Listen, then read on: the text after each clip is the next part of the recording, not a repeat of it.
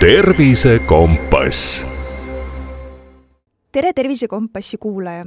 täna on siis see päev, kus meile on külla tulnud füsioterapeut Sander Jürjus. teemaks on karastamise mõju immuunsusele ja südame tervisele. tere, Sander! tere!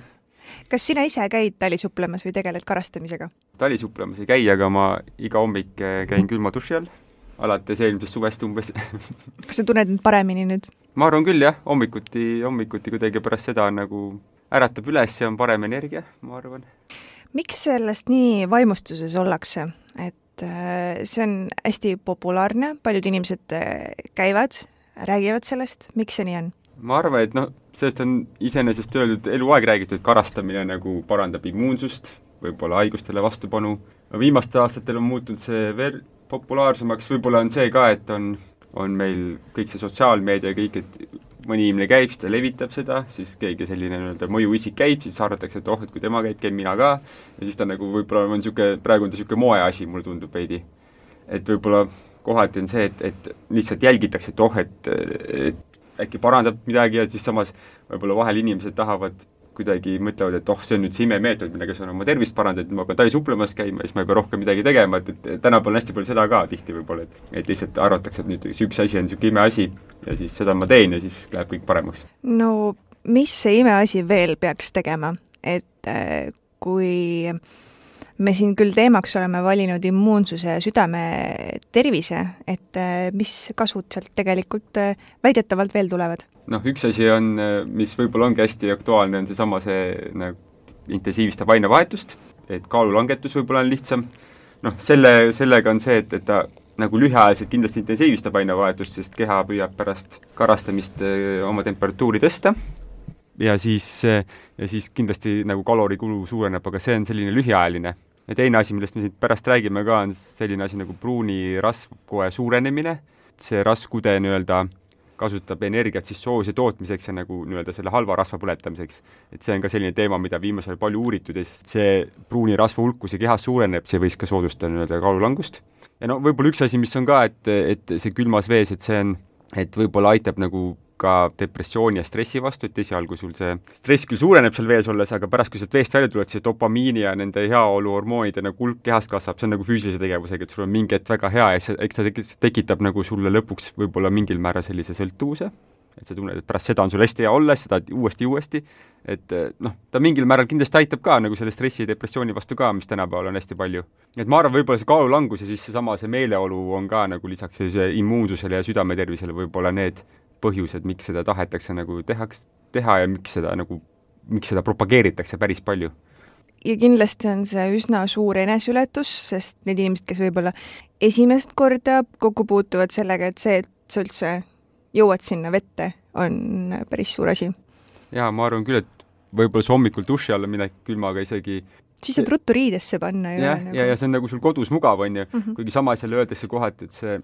et see külma duši all on nagu, inimesed vähemalt on rääkinud, et on ebamugavam kui see, kui sa saaksid hüpata kohe nagu sulps kuskil külma vette, on ju, et sa oled seal kehani sees ja tuled välja. et külma dušiga on see, et sa paned selle käima, siis ta hakkab sul vaikselt tulema, et see on nagu kohati niisugune ebamugavam. aga samas jälle noh, alustada selles mõttes on, ma arvan, seal hea turvaline.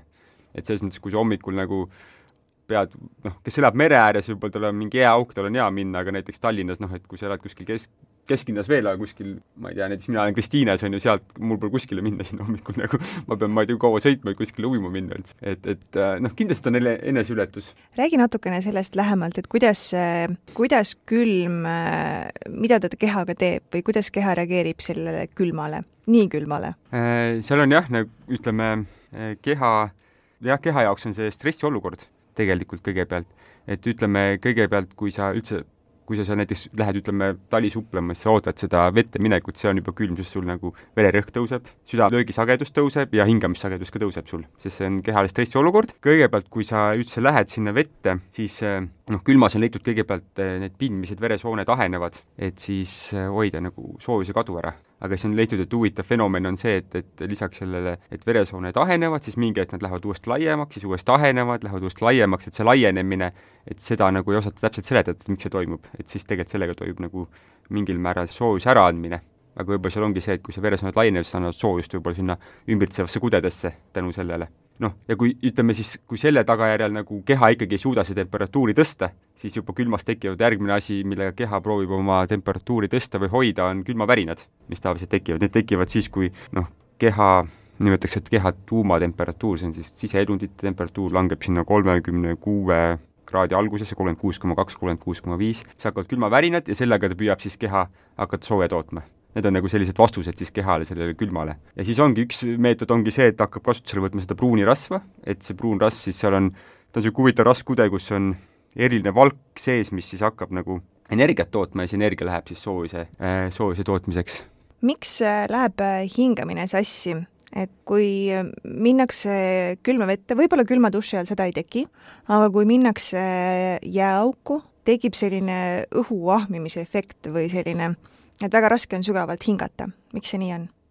ma arvan, et see ongi seotud jälle sellega, et see on nagu kehale stressiolukord, sul adrenaliin tõuseb ja keha reageerib stressile siis sellega, et sa hakkad kiiresti hingama, südame löögisagedus tõuseb, sul on vaja kiiresti hapnikku peale saada, see on nagu see, kui keegi sind ründab näiteks, et sa põgened, on ju, sul tekib ka kohe see, et sa kiiresti hingama, pulss tõuseb, et see keha paneb ennast valmis sellega selleks, et sa oleks võimeline kohe reageerima, kohe sealt veest välja hüppama. et sa nagu oled füüsiliselt nii valmis, et keha nagu ärkvel. aga see on lihtsalt keha loomulik reaktsioon, et tegelikult võib-olla ongi see, et kui sa lähed sinna vette, kui sul on turvaline keskkond, siis tegelikult see ongi see mõttega rahustamine, et tegelikult kõik on hästi, on ju, et minuga ei juhtu mitte midagi, eriti kui sa duši all oled, on ju, et kui hakkab väga külm, ma saan duši kinni panna, ära minna. alateadvus tekitab sellise reaktsiooni, ma arvan, sellele lihtsalt. et eks see ongi see, et, et sellega tuleb lihtsalt ise oma ajus siis tööd teha seda, et äh, see on igatipidi tervisele kasulik, on räägitud hästi palju ja need inimesed, kes, äh, kes käivad, tavaliselt äh, räägivad, et nad,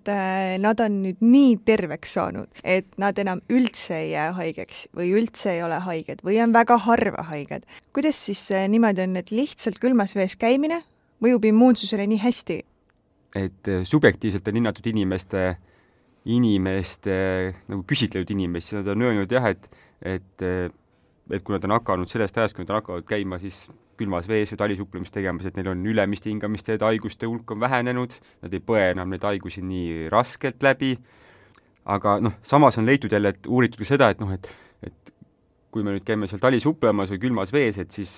et siis peaks ju veres ka mingid näitajad muutuma nagu, et noh, kuidagi hinnata seda, kas siis tõesti see immuunsus läheb paremaks. ja siis on leitud, et kui sa vahetult pärast külmast veest tulekut on leitud, et veres äh, valge verelibede hulk on tõusnud. Need valge verelibed on siis need, mis vastavad, nende hulk tõuseb, kui sul on kehas mingi põletik, näiteks mingi haigus palavikuga, on leitud, et, et, et, et nende hulk tõuseb, et järelikult siis kehas tekib mingi stressiolukord ja valge verelibed siis hakkavad sellega võitlema, et et siis see võib, äh, järeldatakse, et võib-olla, et kui sa seal külmas vees käid, siis keha suudab ka haiguse korral hakata neid valge verelibesid rohkem tootma samas jälle huvitav on see, et tegelikult samasugune reaktsioon tekib ükskõik mis stressiolukorras, kui sul on tugeva trenni või, või sul lihtsalt on väga ärev olukord, et siis see keha hakkab tootma, et siis tekib küsimus, et võib-olla, võib-olla see külm vesi iseenesest, külmas vees käimine võib-olla ei olegi oluline, vaid võib-olla hoopis on see, et, et kui sa saad nagu lühiajaliselt nagu regulaarselt mingit sellist stressi, kus su keha nagu korraks on stressiolukorras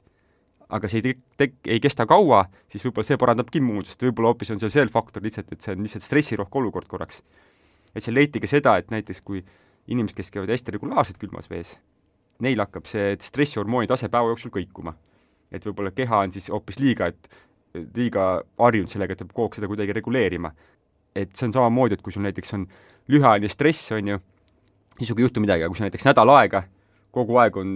hull stressi, sa jääd haigeks. aga kui sul on lühiajalised stressid, siis su keha suudab nagu järjest tugevneda, et võib-olla on hoopis see, et võib-olla see külm ei olegi seal nii tähtis faktor. et küll on see, et, et kui on leitud, et kui sa regulaarselt külmas käid, siis su keha suudab selle külmaga paremini toime tulla, et siis sa suudad ka näiteks kuskil mujal talvel külmas keskkonnas olla nagu kauem, et su keha oskab sellega toime tulla.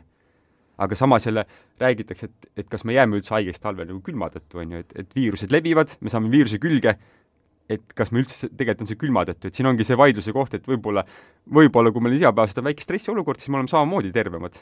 et lihtsalt selle külmaga sa saavutad selle. et, et, et see on niisugune huvitav nagu, huvitav asi, mis seal on, mis seal on välja tulnud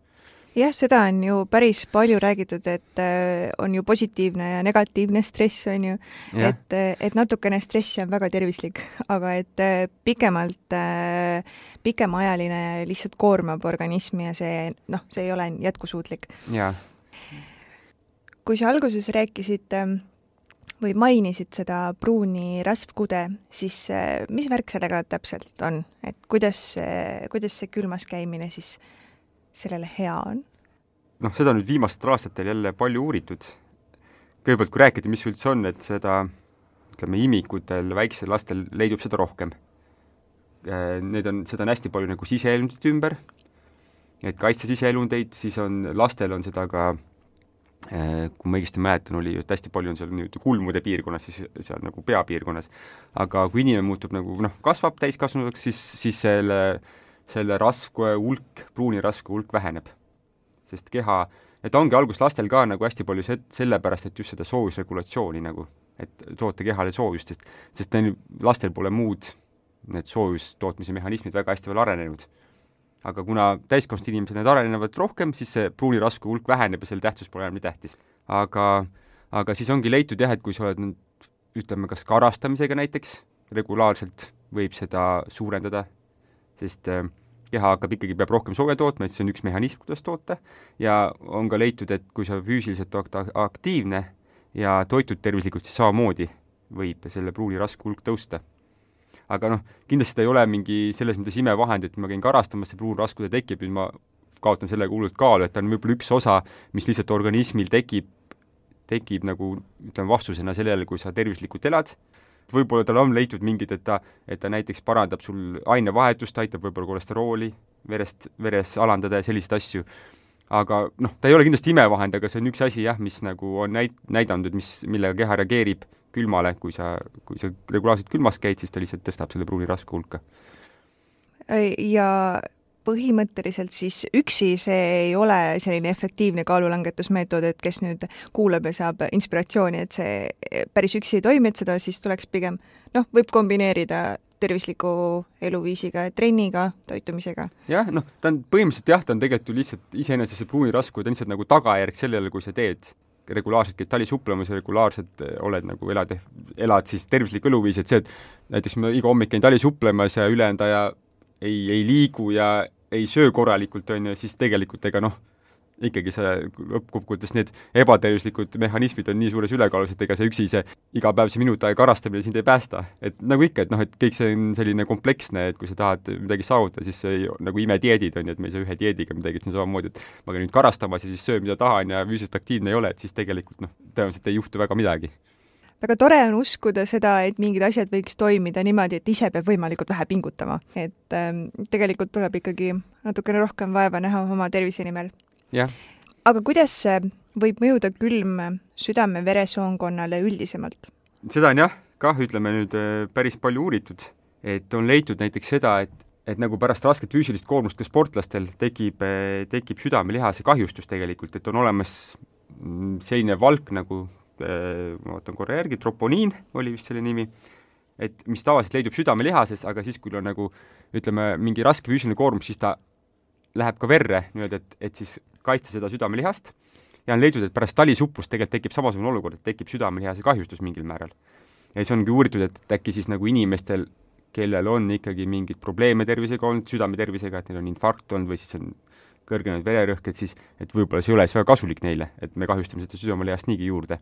aga samas, kui jälle võtta nagu, kui võtta nagu analoogi trennis, siis tegelikult tihti kas tippspordis või spordis üldse on see, et me teeme tugeva trenni, siis me kahjustame organismi, siis me laseme sellel organismil taastuda ja siis me muutume tugevamaks. et võib-olla see talisupplemine samamoodi, et me küll kahjustame seda organismi mingil määral alguses, aga kui me laseme sel kehal taastuda, tõenäoliselt ta muudab hoopis meie südame tugevamaks. Et lihtsalt võib-olla seal ongi see, et, et nagu trennigagi, et sa ei saa alustada kohe nii, et ma lähen nüüd täna, lähen kohe sinna Piritale külma vette ja käin nüüd nädal aega järjest, et võib-olla käin üks päev, kaks päeva, lasen puhata ja siis lähen uuesti, et kehal lasta nagu kohaneda, et siis, siis ta tõenäoliselt mõjub selle südame tervisele paremini. aga, ja teine asi see, et see vererõhuga seoses ka näiteks on leitud, et inimestel, kellel on normaalne vererõhk, et neil esimesed korrad see vererõhk tõuseb, kas või juba, kui nad seal külma vette minekut ootavad näiteks kuskil kaldal. Aga hiljem see keha kohaneb ja samamoodi ka kõrgenenud vererõhuga inimestel on see, et et neil küll tõuseb see vererõhk, aga pärast veest tulekut on ta sama, mis ta oli enne vette minekut, ehk ta vees rohkem ei tõuse ja siis umbes nelja minutiga ta juba taandub. Keha suudab nagu nii päris hästi sellega kohaneda, aga lihtsalt võib-olla kui sul on olnud mingeid probleeme südamega, et siis ikkagi tasub nagu võib-olla konsulteerida arstiga, et kas on mõistlik seda karastamist alustada või siis alustada tõesti väga ettevaatlikult, et alguses käid duši all, lased, sa ei pea kohe maksimaalselt külma veega tegema, et lased vaikselt seda nagu natuke külmema veega, et su keha kohaneks järjest sellega. et siis ma arvan, et iseenesest ta võiks nagu olla südame tervisele hea. kas võib ka niimoodi olla, et kui terve inimene äh, siis motivatsiooni pealt otsustab, et ta hakkab iga päev käima taliujumas, kas see võib äh, temale tekitada mingi südameprobleemi? Mul on seda raske öelda, aga ma arvan, et mingil määral võib, et võib-olla see sõltub ka sellest, et hästi tihti nagu võib-olla, kes talisupplemisega hakkavad tegelema, võivad olla ka inimesed, kes on niisama juba treenitud, et neil ongi see, et noh, et ma käin trennis ja ma tahan nagu tervislikult elada, et oh, talisupplemine on üks asi, mida saab veel teha, on ju. et, et neil tõenäoliselt on keha juba nii kohanenud selle füüsilise koormusega, et neil ei juhtu midagi, aga võib-olla inimene, kellel on tõesti ülekaal või ta pole trenni teinud väga, et et selle puhul kas nüüd pöördumatud kahjustused, aga, aga võib-olla ta kohe alustab, et see on tõesti nagu südamele samasugune stress nagu kohe, et ei, sa ei saa kohe hakata tegema väga raskeid trenne, kui sa polegi teinud, et samamoodi seal ka, et ma nüüd ei julge öelda, ei saa öelda, et seal nüüd tekib hull kahjustus või tervisehäda, aga tõenäoliselt nagu see ei ole kehale kõige mõistlikum alguses. et, et äh, nagu ikkagi samamoodi kõigi muude asjadega, et järk-järgult alustada. jah, see asi tasub kindlasti kõrva taha panna. aga kuidas mõjub südame tervisele see, kui kui minnakse pärast ujumist või enne ujumist sauna, äh, nii mõnegi taliujumiskeskuse juures on selline sauna võimalus, et kuidas see külma ja kuuma vahel käimine äh, mõjub? kui sa oled päris terve inimene ja noh, jällegi ikkagi füüsiliselt aktiivne, siis tõenäoliselt sinuga, sinuga ei juhtu midagi. kui sa pole sellega harjunud, siis see on kehale väga suur koormus. et sa lähed sinna vette, sul adrenaliin tõuseb, on ju, korraks veresooned ahenevad siis lähed kohe sauna, küll need veresooned laienevad, aga tegelikult organismil pole aega kohaneda, kohe tuleb see kõrge temperatuur peale ja siis kogu aeg käib niisugune, kui sa käid mitu korda, inimesed ei käi nagu ühe korra, tavaliselt käiakse võib-olla kolm-neli korda niimoodi, on ju, siis see vererõhk ja kõik sul kogu aeg hüppab ja siis see lööb seal hormoonide, tõenäoliselt hormoonide taseme ka paigast ära, et, et ma arvan, et see on jälle selline, et et võib-olla tõenäoliselt jälle, kui sa ühe korra teed seda, ma ei tea, korra aastas siin talvel ühe korra, on ju, ei juhtu midagi. aga kui seda nüüd teha ka väga tihti esialgu, siis võib-olla jälle ta ei ole väga hea et seal on just see organismile see, et on hästi palju nagu kogu aeg, kogu aeg muutub sul see keskkond. et mingil määral soovitatakse seda, et, et kui sa tahad sellist asja teha, siis ongi see, et lähed külma vee alla, siis lähed pärast seda sauna, aga need temperatuurid on täpselt sellised, külma vee all on ka selline, et sul nagu natuke on halb, aga sa tunned, et sul, tunned ennast turvaliselt ja saunas samamoodi, et sa ei lähe sinna sajakraadisesse või tunned, et okei okay,, on soe, aga mul ei ole nagu halb. et seda teha, et sa ei, nagu ei, ei tee väga ekstreemsetes tingimustes esialgu seda, et see ei oleks nagu nii suur kontrast jah, küllap äh, selle peale on ka mõeldud, et need äh, saunad, mis tõesti kuskil äh, taliujumisvõimaluste juures on, ei olegi sajakraadised saunad, vaid nad on üsna madala temperatuuriga saunad jah, see oleks mõistlik, ma arvan, ja seda just inimestele ka, et eks see on jälle see inimeste enda nagu niisugune teadlikkus ja mõistus peaks olema seal, et, et, et kuidas ma midagi teen. kuidas see järjekord sinu arvates võiks kõige paremini olla, et kui inimene otsustab nüüd, äh, ma, ma ei tea, kas kevad on õige aeg alustada sellise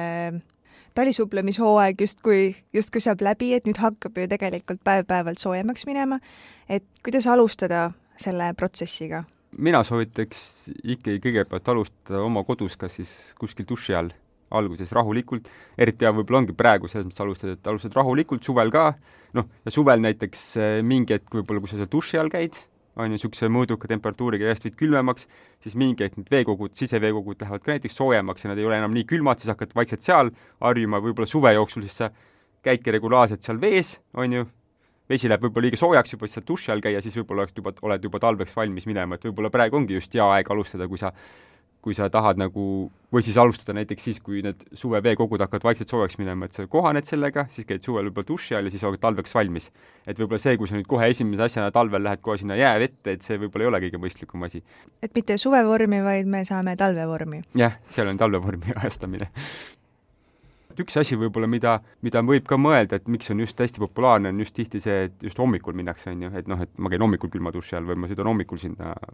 sinna tali suplema. et tegelikult on seal ka nagu niisugune hea teaduslik põhi, et mingil määral ongi hommikul hea, sest hommikul keha ärkab, siis ta hakkab sooja tootma, et su keha nagu valmis panna päevaks. ja siis, kui sa käid seal külma duši all, siis see soojuse tootmine intensiivistub. aga näiteks, kui sa teed seda võib-olla õhtul, näiteks enne magamaminekut käid külma duši all, siis see pole väga mõistlik, sest tegelikult õhtul nagu keha hakkab loomulikult oma kehatemperatuuri juba langetama. ja öeldakse ka, et näiteks külmas või jahedamas keskkonnas magamine on hea, et siis võib-olla üks asi ongi see, et kui ikkagi seda karastamist teha, siis pigem päeva esimeses pooles seda teha. et noh, muidugi kui sul on näiteks regulaarsus tahad seda nagu säilitada, siis noh, ükskord teed õhtul ei ole hullu, et lihtsalt nagu nii-öelda